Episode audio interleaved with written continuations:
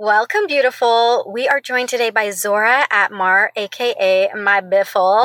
But let me read you her bio first. Zora is a bridge builder committed to helping others share and celebrate their common humanity across religious, racial, and national divides. She is a patriot serving our country as a Foreign Service Officer in the Diplomatic Corps, having previously worked with the Department of Defense as well as the NATO's ISAF mission in Afghanistan. But the most important thing.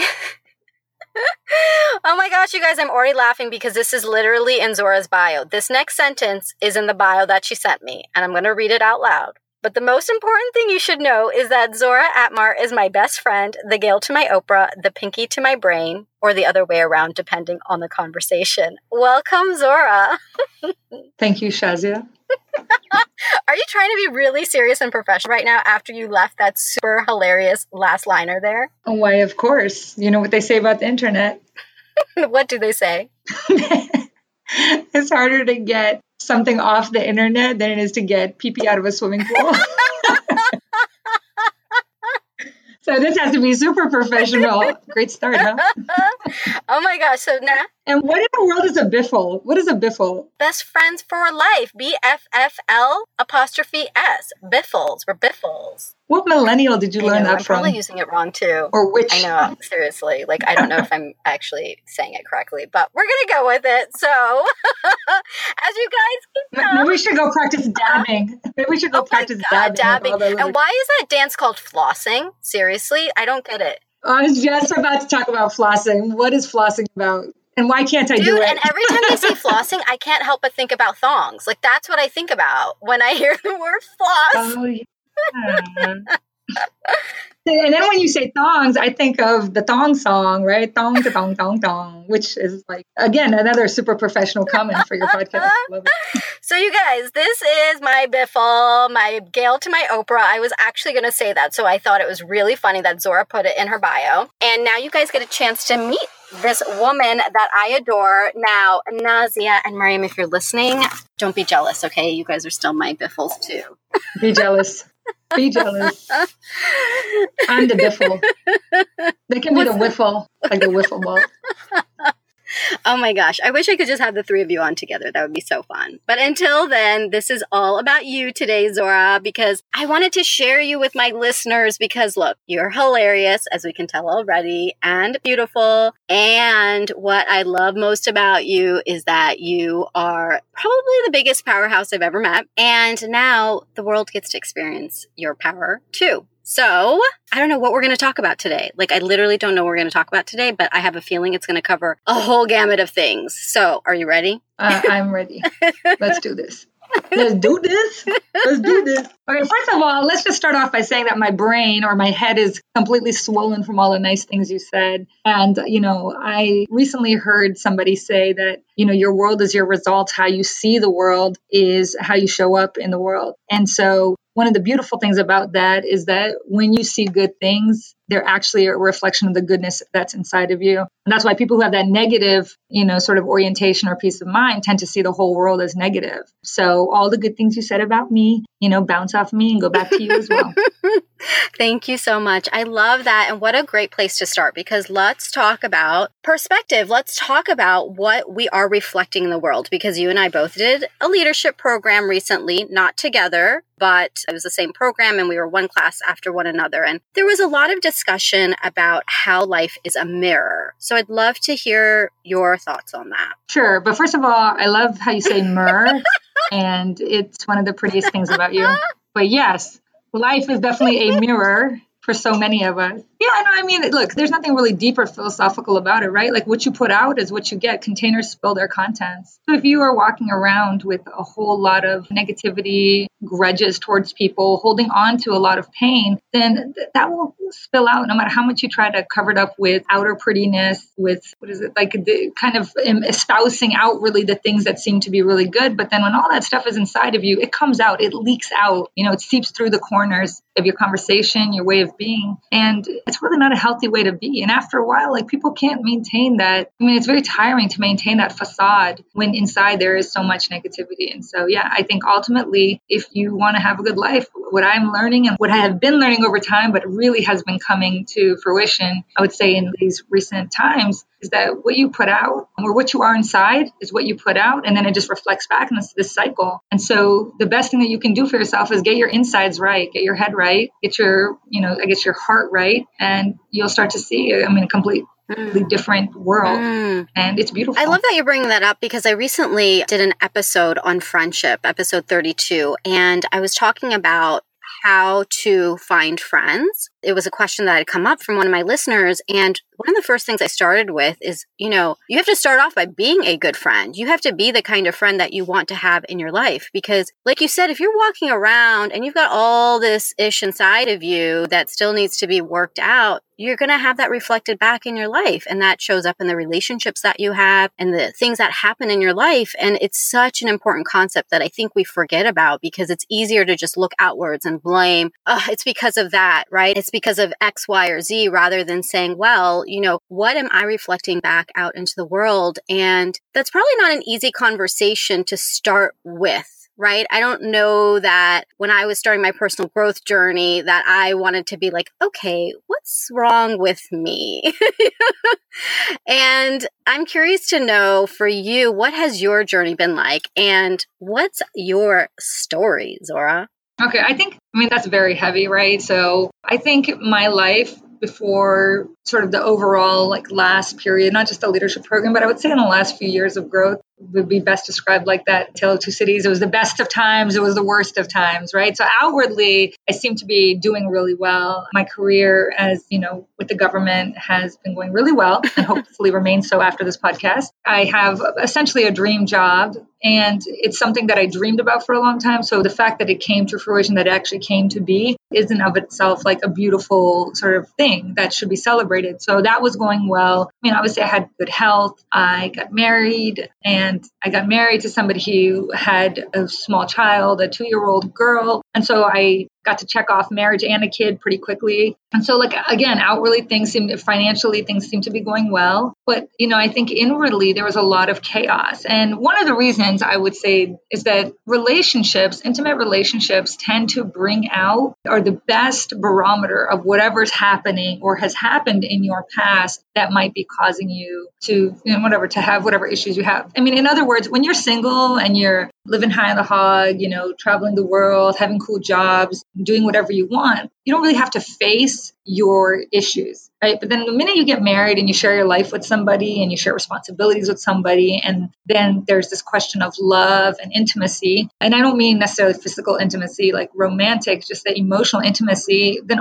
anything that might be lurking there from your past that you haven't addressed will come up. So again, like I said, things seem to be very good on the outside, but inside things were definitely more tumultuous and they definitely those issues that came up definitely affected my marriage. And I'm gonna have to stop saying definitely. So count me out next time I do, okay? Call me out next time I do. So being forced to address things that had been like sort of lingering below the surface for so long was incredibly uncomfortable. And one of the things I noticed that I did is that I fell into a trap that is very common. It was not unique to me, and that is the trap of victimhood, right? Seeing yourself as, you know, poor little me, that this is happening to me. And when you see unhappiness in your life, you I started looking at all the people who would be responsible for that. So, oh, my husband is not XYZ enough. Oh, you know, my daughter, my stepdaughter is just a difficult child, or, you know, whatever it is. I made all these little stories up in my head about why things were bad, but most of them started with somebody else. And so, what's really changed for me is that I've completely, you know, shed the mantle of victimhood. And victimhood, I have to say, is quite comfortable because when you're a victim, you're not responsible for the bad things that are happening to you. In fact, you know, you are like a martyr and you're like a poor little thing and you can feel sorry for yourself. But when you step up and really take,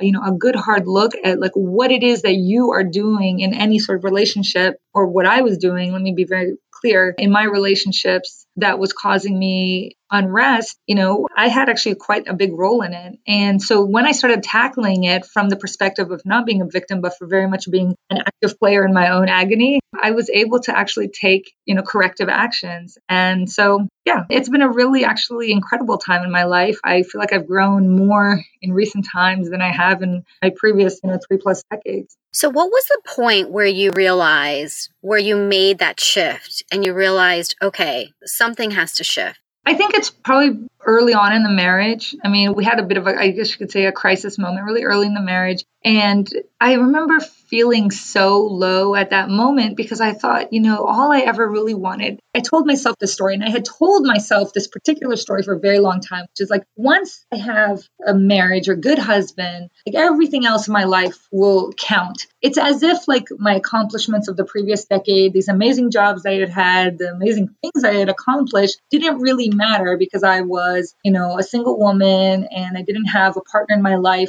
to revel in all these accomplishments with. And that by itself, let me interrupt my own self to say that alone is an enormous disservice that I did to myself back then. That when I was having amazing experiences and travels and accomplishments, I didn't actually get to sit, I didn't allow myself to sit and rejoice in them. I didn't allow myself to sit and really take it in and feel myself be present in those moments. I always thought every time something good was happening, if only I was in X situation, then I would be really happy. And that way of living by the way is really really tiring. It's exhausting to constantly you know negate your own success and to undermine your own happiness by pushing it away and saying no i'm not quite happy because i'm not actually for example in a loving partnership with kids which is what i really want you know? So i had put a lot of stock into this idea of getting married. And so anyways when i found my husband and it was one of those interesting stories you know meeting someone and the way it all aligns like i remember people had said before that when you find the one you'll know. And I remember thinking, that's bullcrap. I want like specifics, like give me an Excel spreadsheet and give me some information that will help me know if this guy is the right guy. But actually, this is what happened with my husband. I actually knew within a couple of days. And I, I had told my mom on one day that I was talking to somebody. And within a week, I said, I think I married this person. And she, of course, is like, you know, you're crazy. But that actually turned out to be the case it was a, this beautiful coming together. But then, really quickly after we got married, we had this crisis moment. And at that point, that moment, at that crisis point, I knew that something had to change. And I couldn't put the blame, you know, on my partner. I had to accept that I played a role, you know, in just the souring of the relationship. And so, yeah, so that was the moment that really opened my eyes that I wanted to fix whatever what was wrong, whatever whatever was wrong. Nice grammar. And what was the step you took after that? Well, I mean, I I prayed a lot. You know, spirituality is really important to me, so I prayed a lot. I sought guidance. I sought professional guidance and help. And my husband and I had a lot of conversations about whether we wanted to jump ship. You know, early on, or if we wanted to continue. And we decided to continue. And I cannot underestimate or under, I cannot overstate the importance, rather. I cannot overstate the importance that faith did play in that decision because I had a lot of fear as to like what the future would hold. In fact, I think fear is actually like a really great way to describe the overall state of my, you know, sort of my mindset in my early 20s all the way, I would say to my mid 30s. You know, fear of I wouldn't get what I wanted, right? Fear that I wouldn't find the right person, that I wouldn't have the kids that I want, I wouldn't have the number of kids I want, that I wouldn't have good health, I wouldn't get the jobs that I want. And so fear caused me to, I think, act in ways that were sometimes short sighted or to make hasty decisions. And so one of the things I decided to do was to stop allowing fear to be the primary guide of the decisions that I made. So what does that mean, right? So when we hit a crisis point, like the fear or said, you know what, this is not going to work out. Let's just end this now, right? Let's just walk away while it's still early. And that would have been really the easy thing to do. One of the great things about my daughter, my older daughter, who is the one who, you know, I married into, married her father when she was small, is that she was this innocent young soul. And I just remember thinking that she deserved for me and her father to do everything we could to try to stay together and not give up easily.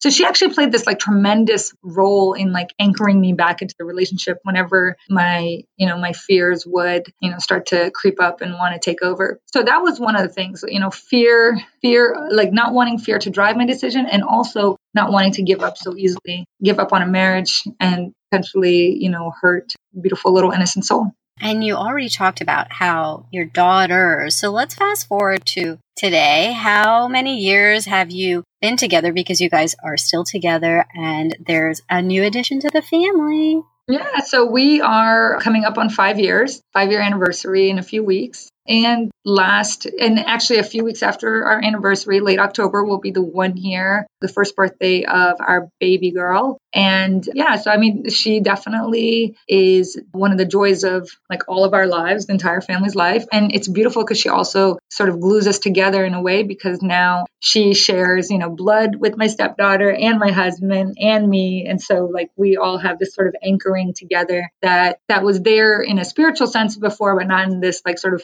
biological sense. But it's also great because, you know, she's a miracle baby who came after, you know, a lot of struggle with fertility and a lot of losses. And so I'm grateful for every moment with the baby as well as with Fatima. In fact, I feel like one of the luckiest people in the world to have these two mm, beautiful I girls. Know, they're my kids too. Just FYI. They are definitely your kids. They are definitely you have earned them. so and when they're super annoying when they get older, you will you will have them with you for a little bit. I will take them. I will totally take them. Like you're getting on a plane to Texas. Well, and what's really cute too is this deep connection. So Zora and I are, are, super connected. I mean, she's one of my best, best, best friends, and she's really like a sister to me. She's probably the person that I can like yell and scream and fight with, and then like a few hours later, it's like, hey, what's going on? You know, she's like the sister I wish I always had. So okay, so please so don't overstate that. We disagree like once every three years that's not quite like me and my biological sister when we were teenagers fought like every day but that's what happens when teenage girls okay. share a room well, I really get awkwarded out, by the way, when I'm around real sisters who do fight because I don't have a sister. So I've never experienced that. So fighting once in like three years is a lot to me. And like, wow, we're, we're really like sisters, Zora, because I don't really fight with anybody. So. so you have you have hit that threshold of like the legit sister sister's life. So by the way, that's also a story you tell yourself. Remember, we've talked about this. What? I don't fight with anybody. Like, I don't fight with anybody. I'm like, mm, really? Not anybody? Okay, okay. I mean, I fight with Antonio, poor guy. Like, he has to deal with me. Let me clarify I don't fight with my friends. I need another, another I don't episode. fight with anybody who's not my husband. Yes. I mean, come on. Husbands can be their own category, right? Like, we're so nice to the world, but our poor husbands, they get to see, like, all of us. Know. But I, you know, have to say, I have to say, I really believe. I, I feel yeah I like the term poor husbands because I often think now that like men are not really like men in and of themselves they're like sort of a stand-in for all your issues so they are basically they take the brunt of like your father's behavior when you were young your older brothers your cousins any crappy bosses you had any authoritarian male suddenly becomes like your husband upset. You're like, and then you denied me the raise, or you didn't let me go to prom. And then he's like, what? oh my God. Okay, listen, hold on. Before we get to men stuff, because there's so much to talk about there, I did just want to say that our daughters, our stepdaughters, oh my gosh. So, what is so great is that I feel like I have you as my sister, and then our stepdaughters met and they hit it off. I mean, just the other day in the car, Nasima was like, when I have my slumber party, I'm going to invite my best friend. And I was like, who? And she's like, Fati. And I was like, oh my God. Like, she said Fati's her best friend. It made me so happy. and that is so special. You know, I think part of the thing is that that Fatima was an only child for so long, you know, for more than six years. And I do think like only children are a special category of their own. You know, they've had to adapt to not having like the default playmate, you know, in another sibling. And so when they find each other, like they, when you take them places, you take them to like Chuck E. Cheese or any sort of like play area, like they're like hook on to a friend really quickly or a new friend, quote unquote, really quickly. And then when you actually spend like sustained time or when they spend sustained time with one another and they're like, you know, very, very grateful and very hooked. so I love that yeah, about them. And both of them are like that. So, so, so cute together. I don't want to think about what they're going to do in their teen years.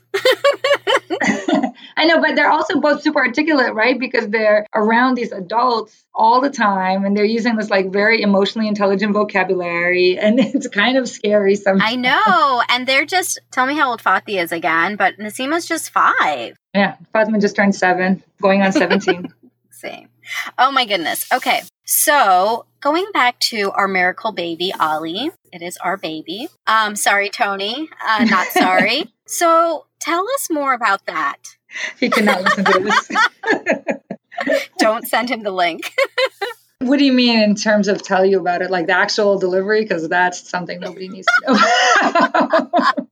well, you talked about her being a miracle baby, so let's talk about that. Yeah, I mean, I think that you know, fertility is this fascinating thing, or rather, I would say the infertility. It's really, I think, anything related actually to like women and fertility and childbirth. There's just not I don't think there's just enough, not enough conversation about it. And only now I, you start to read more things about celebrities talking about the number of miscarriages they had. I saw this thing like that for Carrie Underwood. She had like three before she got pregnant with her second child you know that she's currently pregnant with. And three is actually like not an uncommon number. It's pretty common. And i also had three before alia in this marriage. And so you know there's a whole debate around like women as mothers. And a lot of people feel like that that doesn't need to be their primary identity. And you know i honor like other people's attitudes towards children personally, right, I can only speak for myself. I really wanted kids, and I didn't just want kids. I always wanted a really large family. Like I thought when the greatest shows growing up was like the Brady Bunch, I, and even though there were is you know three girls and three boys, I mean just the idea of this big family really really appealed to me. I loved it, and I always wanted that. And as my relationships didn't work out, and it got you know and it got older and older, you know I I would just do this mental math all the time. Like okay, I get married this year, and then I pop out like one every two years for blah blah until I'm 40 or 42. I could have this many. I would literally do this like accounting, this constant accounting of how many maximum number of kids I could have. And it's interesting because, you know, took us a while to start trying. And then when we start trying and it wasn't successful, you know, I didn't fall into a major depression, but I definitely started to develop some anxiety around the issue of fertility. And I think to have miscarriage in some ways are it's like even more frustrating because you know you can get pregnant. You know, like there it is, boom, you you get pregnant, you celebrate, you see the line on the stick or whatever it is, the plus sign, and you know, you get excited. And it's weird because like the minute you see that, the minute you see that line, your brain is like off, you know, 100 miles per hour. Like your husband, you know, your partner might be sitting there thinking, okay, well, let's see what the doctor says, blah, blah, blah, blah, blah. And meanwhile, you're like, and then they're going to Harvard. And like you have actually written their entire life story and you've actually created two one for if it's a boy, one for if it's a girl and then, you know, if like a short time after you find out it's a miscarriage, then that's a loss, right? That's a real loss because you, you felt the feelings regardless of how far along the pregnancy developed, right? And of course, the further along every pregnancy goes, or the further, you know, however more weeks or months, the more attached, you know, you can become. And so, anyways, I started to develop this you know, bit of anxiety about like, not only is my dream of this massive family not going to happen, but like maybe I won't have any kids. And that was a really difficult thing for me to embrace because, you know, sometimes I don't know if you remember, I used to joke like, I didn't even care about a husband, I just want kids, which is not true. I mean, I care about a husband too, but my yearning for motherhood was so strong. And actually, became stronger even after I had a stepdaughter because I raised her from the age of two, which is a very young and tender age. And so it became even more important to me to have have like even more kids that I could have that zero to two period with and connect with on that level. And also having a stepdaughter is tricky because, or a stepchild, I would say, that you're raising, which is a unique situation because most people have them sort of part time, because you are doing literally all the work of mothering, but you have like you know, or I have no legal right to the child. And, you know, in times when your relationship is bad and you consider breaking up, you realize that the relationship that you've built up with your child, you might lose forever. So that's a really scary prospect. And I definitely, you know, felt that, you know, a lot in the early days. So I guess the urgency of having a biological child, something that quote unquote couldn't be taken, which is like, you know, it's kind of crazy thinking, but the, the kind of thinking that happens when you have that anxiety around fertility, it, you know, took on a, a greater level, I guess, of importance. So what shifted? So here I was in this place where I was, you know, having this anxiety about wanting to have another kid, wondering if I could or not. And I would do a lot of reading by fertility coaches. And one of the things that stuck out was this idea of mindset. So you can biologically be, you know, fine. Like there is no known cause for the infertility or for the losses. Your hormones, all, all, like if somebody's ever gone through this, then you know like there's like this battery of different tests that they do. And so even though I was a little bit older, mid to late 30s, my numbers were fine. So there was no known cause, and my husband didn't have an issue. So what was happening? And I, became convinced that my issue was largely a mindset issue. You know, I, I, think there was a lot of stuff that was buried deep within that I needed to think about. And one of the things that came up for me was this idea of worthiness. And worthiness is something that's like sort of like a theme in my life feeling you know, in the past, like unworthy of great things. And in this case with, with pregnancy, feeling maybe deep down that I wasn't really worth or yeah that i wasn't worth the good things that i wanted including a child and that i wasn't worth being a mother and it's it's strange to say it now because it doesn't ring true to me at all but that did play i guess like an underlying role and when i was able to tackle that when i was able to really embrace the idea that no i am absolutely worthy of having a child and that motherhood is not something that i'm not going to be able to have and you know shifting the mindset really from like I want and can I to I can and I will, I can and I will, I can and I will, like uh, I mean, it was huge. So, I mean, I, I think like, you know, everybody's journey is their own. My journey, I definitely, you know, I did the acupuncture, I saw the specialists, I used hormone, and more importantly, I shifted my mindset. And when the shift truly happened, and when my whole being espoused a sense of worthiness to become a mother, I became and stayed pregnant. And so, yeah, I mean, I can't say enough about the importance of that. Mm. So, worthiness is a really big topic, right? I, I, think that's something that hits home for a lot of us in different ways and how it can manifest and whether we feel worthy or not. So, this shift that you're talking about in your mindset and really believing that you are worthy, tell us more about that. I mean, I, it's hard to describe, right? It's hard. It's a, it's a small word, right? A few letters, uh, worthy, unworthy. But what it means, you know, is everything. It's everything, right? Like from every every molecule, every atom of your existence, it impacts. This idea that, you know, there's this great big world out there. And when we're kids, right? And we are kids before we are, you know, hit with all the trauma that comes from like a normal childhood or or even a like a, a turbulent abnormal childhood. Before all these things happen to us, before the disappointments of life, or the teen years, before bullies, or whatever it is, pimples, you know, the things that like create like small to large traumas within us. When we're kids and we're just like wide open and innocent, we never think to ourselves, we never say, I am not worthy of being president. we say, I'm going to be an astronaut, mermaid, avatar, kitty cat. like, I, there's literally like a, a, a slew of now, yeah, I eat ice cream all day, and I'm gonna buy an amusement park and ride a roller coaster all the time. Like you know, kids dream, right? And they don't allow this internal conversation about worthiness and unworthiness to play a role in limiting their dreams. We completely lose that you know, as we get older, as we encounter all the things and plus others that I just described, you know, disappointments and relationships. What is that about? Why do we lose it? I mean, like I said, I think we lose it because of all the things that I just described, plus, you know, just the, the nature of life. You know, people try to create consolation. So one of the things about worthiness is that it has, it serves you, right? It serves you because if you're trying to make sense of disappointment and you can't find an answer, but then you hit worthy or I'm not worthy for this thing, even if it's like a subconscious conversation, not something that you say out loud, like, oh, I didn't get the job. I'm not worthy of it.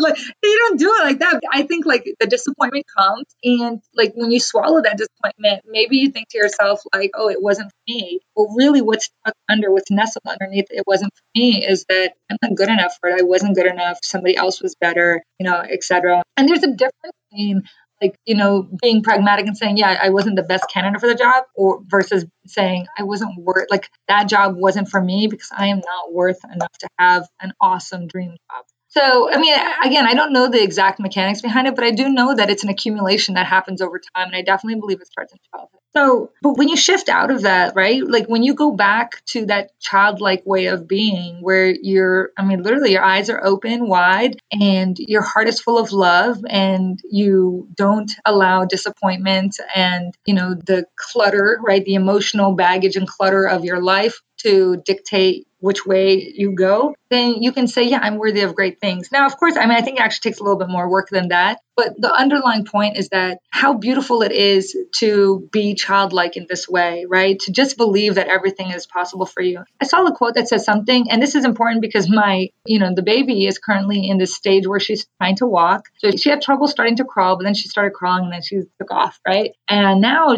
like very quickly after she is trying to stand and balance by herself, and I'm sure the, you know, the next step will literally be, you know, taking steps. And so the quote says something to the effect of like, a child, you know, will, after trying to walk and falling multiple times, never says, maybe walking's not for me.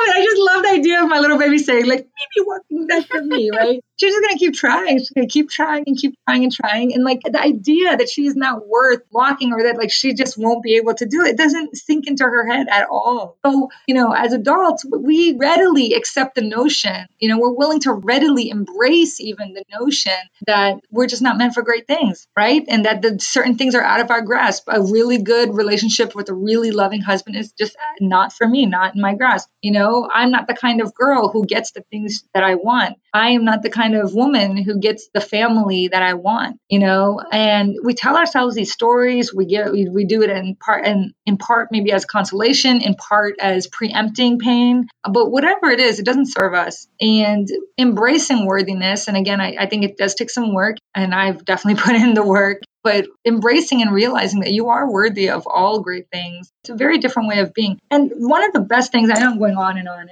that's okay because you said this is all about mm-hmm. me. So, meh. Um, so, one of the things that I spent a very long time in my life doing was not being present in my life. I, I kind of mentioned it earlier, but you know, I would be in the midst of like amazing experiences and accomplishments. And I would think to myself, you know, this is nice, but it's not nice, nice. Like, it'd be really nice if I had the romantic relationship I wanted, right? So you're telling me that when we were on that boat going to the islands of, you know, the islands off of Greece, uh-huh. spending that wonderful time together traveling, you were thinking about a man instead of being with me? So I was like, she's nice, but man, wouldn't it be great if this was a hot guy with my husband? I'm sorry to say.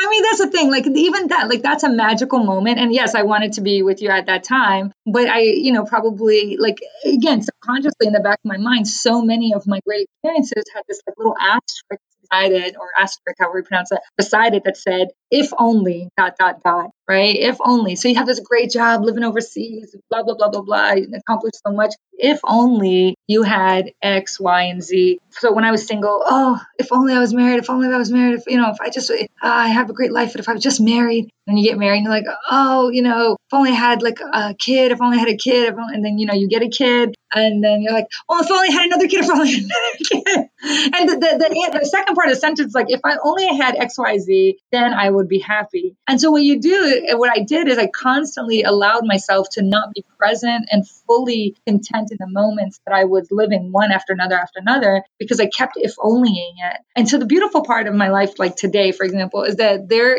is no if only. Like I am actually very happy and content with my life at this precise moment. If, you know, God blesses me with another kid or kids, great. If, you know, another thing might happen that's great that I'm interested in or that I want to happen, great. But if it doesn't, I'm also very, very happy at this moment, right? And I don't feel like an if only right? Those things are just like icing and then cherry and a little bit of hot fudge and maybe some nuts and whipped cream. Like those, those are extra, extra, extras. But right now, my cake is whole. It won't last long. I love that.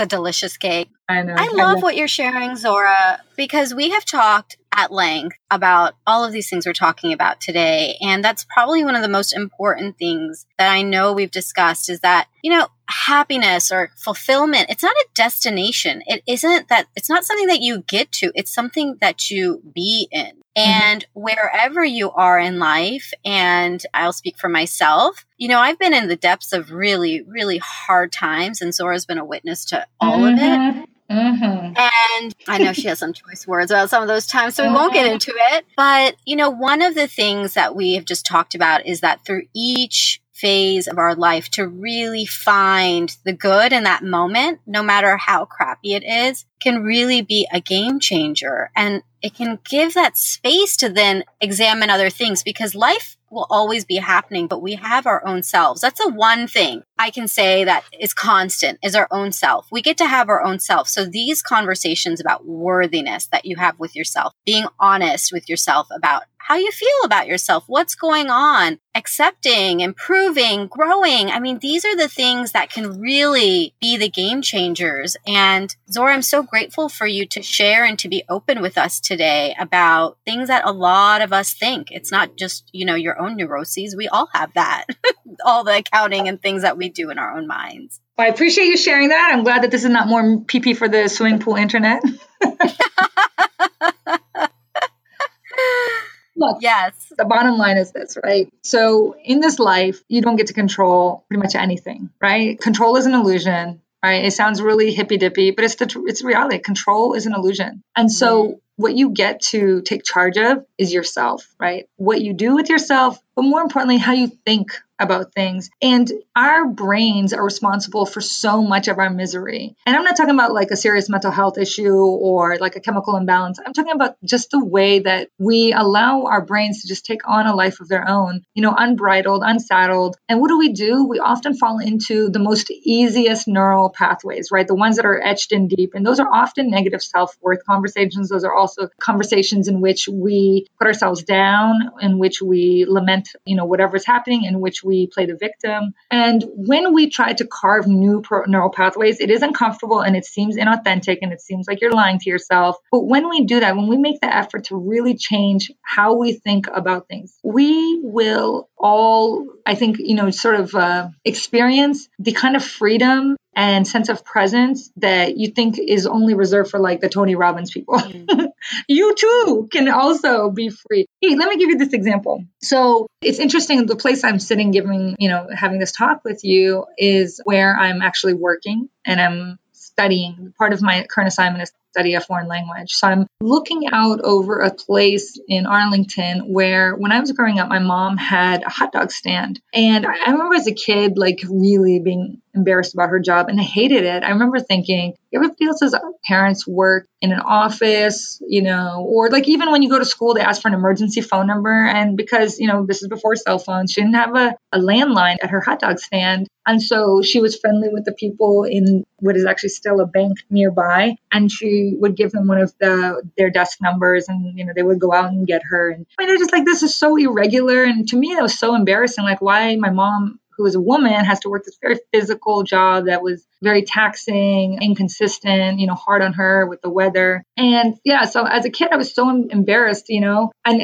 it's interesting that I'm looking at that same spot that she worked from my position working as, you know, a foreign service officer serving this great country, having gone to university. And why am I in this physical location versus that location? It's because of her. It's because of that hot dog stand. It's because of her hard work, providing for us, her example of just getting through hard times and, you know, doing what you need to do, leveling up whenever was needed, doing the hard job. That was the example that my mom gave us. And like, the amazing thing is that, you know, she raised three kids by herself using the income of that hot dog cart. And all three of us went to university and we've all, I think, turned out pretty good and have pretty good lives. I mean, I would say excellent lives, right? And why? Because of her, because of that same hot dog stand that we thought as kids was, you know, this embarrassing burden. And, you know, something else happened. I was walking through the same city yesterday and I came upon Gateway Park in Arlington and I saw a sign for the jazz festival. And when we were kids, my mom a couple times took us to the jazz festival so she could work on a weekend and try to make more income. And I think both, maybe two, three times she did it and it was a bust. She didn't make a lot of money. And so as I was walking, I started thinking about that, like, oh man, and she, she didn't make any money and that really sucked. But then I, I realized what I was doing was, you know, I was being a negative Nancy at that moment. I, was my mindset was all negative. So I, I literally shifted. I stopped and I said, you know, this is not serving me. How can I think about this differently? And then I thought, wow, my mom, even, you know, as an immigrant, and with these three mouths to feed was always looking for ways to try, you know, like really smart ways to try to increase, you know, the business of that hot dog stand. So she took chances, right? She took chances. She thought outside the box. She thought about working at festivals. She, I remember how, like, when the weather got cold, you know, a lot of people don't want to stand outside for hot dogs. So she started serving like coffees and hot drinks and pastries, which was pretty successful. She had a cousin who immigrated who was disabled and, you know, he didn't speak English. And so she actually acquired like a second smaller cart that sold fruit. And so the cousin was able to make an income. And again, she diversified her business. So these are all like amazing things. They're the signs of a woman who is sharp, a go getter, compassionate, caring. And again, that hard work and perseverance that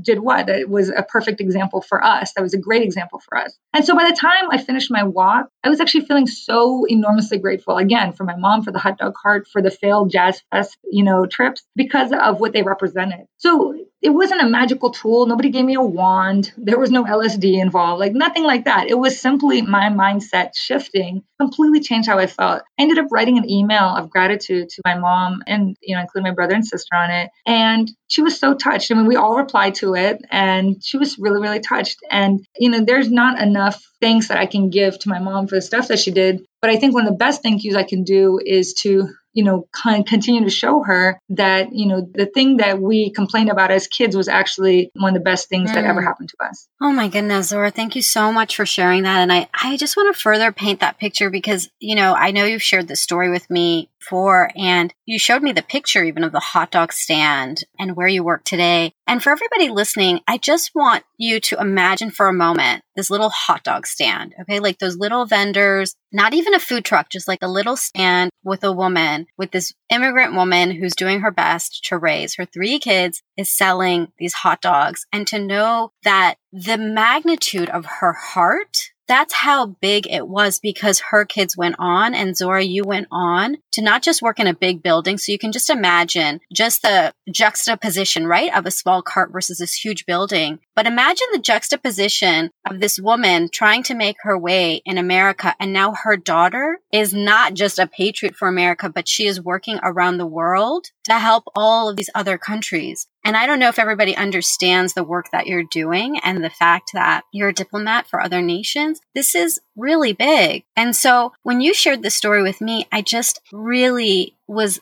I was really savoring this idea of how one woman's heart and the light that it shines can shine so brightly that every single thing that we do in our lives that we shouldn't just think, oh, it's just something small. You don't know the impact that I can have. And when I think about your mom, Zora, and I think about Khala Jamila, which is what I call her, she is the inspiration. She is the one that I feel like we should bring on this podcast. She should run this podcast. She should be the one her, you know, your mom and my mom, I think that they should just have their own podcast.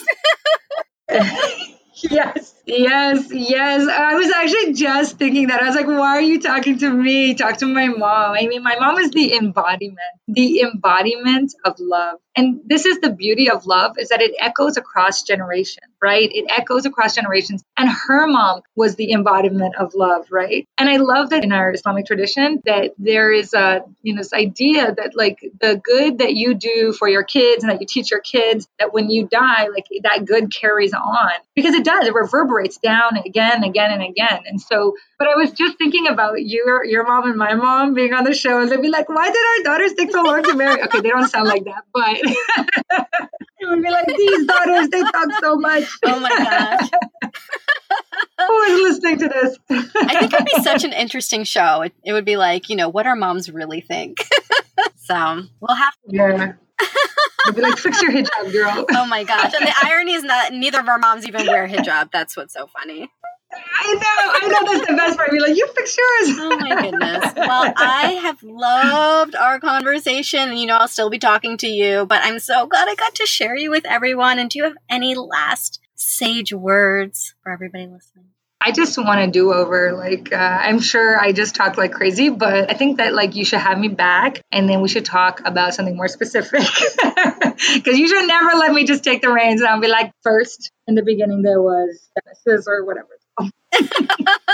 well, you know what? That's a great idea. I would love to have you back. So, for everybody listening, if you have any specific questions that you want to hear about Zora, or you want to hear about our friendship, or any inside facts or funny stories, because we've got plenty, let us know. You can reach us at thelifeengineer.com slash contact. Put your questions in. Anything you want to hear about. Zora and I are literally an open book. Whether you meet us in person or you meet us on this podcast, we will talk and talk, and we're always happy to talk some more. So, in the meanwhile, Zora, if people want to get in touch with you directly, how can they find you? They should probably reach out to you and then you can uh, send them my way. Oh, girl, that's how big you are. She's like, okay, go through my agent.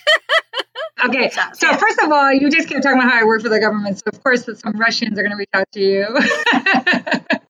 Oh Be like, God. we'd like to hear more from this person. So. and disclaimer, I totally represent my own views here and not that of. Thank you for clarifying that. And I'm so glad that you could join us. Will I'll be looking out for what people want to hear more of. And can I just tell one fun fact about you? It depends. Okay, well, go for it, and then we'll see if we need to edit it out. I actually don't have one. Gosh, now I'm on the spot. I can't think of one. So Yay! off the hook. Wait, how can you say that? That is so ridiculous. Can I just share something super juicy? uh, I don't actually have anything super juicy.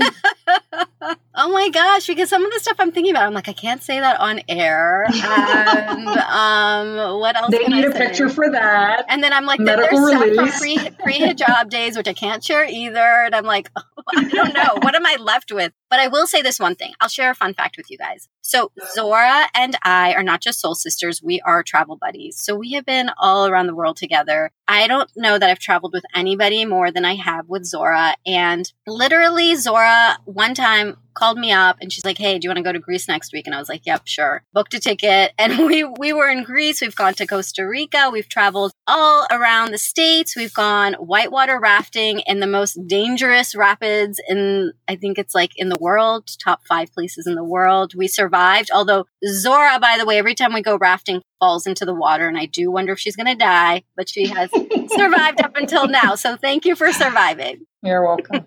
I do my best. I aim to please. And you do. Okay, well, thank you, Zora. Until next time.